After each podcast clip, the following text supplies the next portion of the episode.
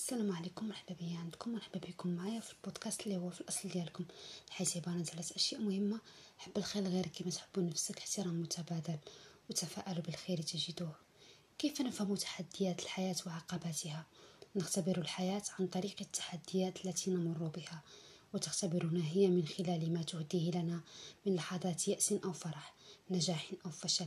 عليك أن تدرك أن الحياة ليست سهلة. ولا بد بأن تمر ببعض الانتكاسات والعقبات فإن نظرت لمن حولك ورأيت فيهم شخصا سعيد فاعلم أن أيامه ليست كلها سعادة كما تراها أنت.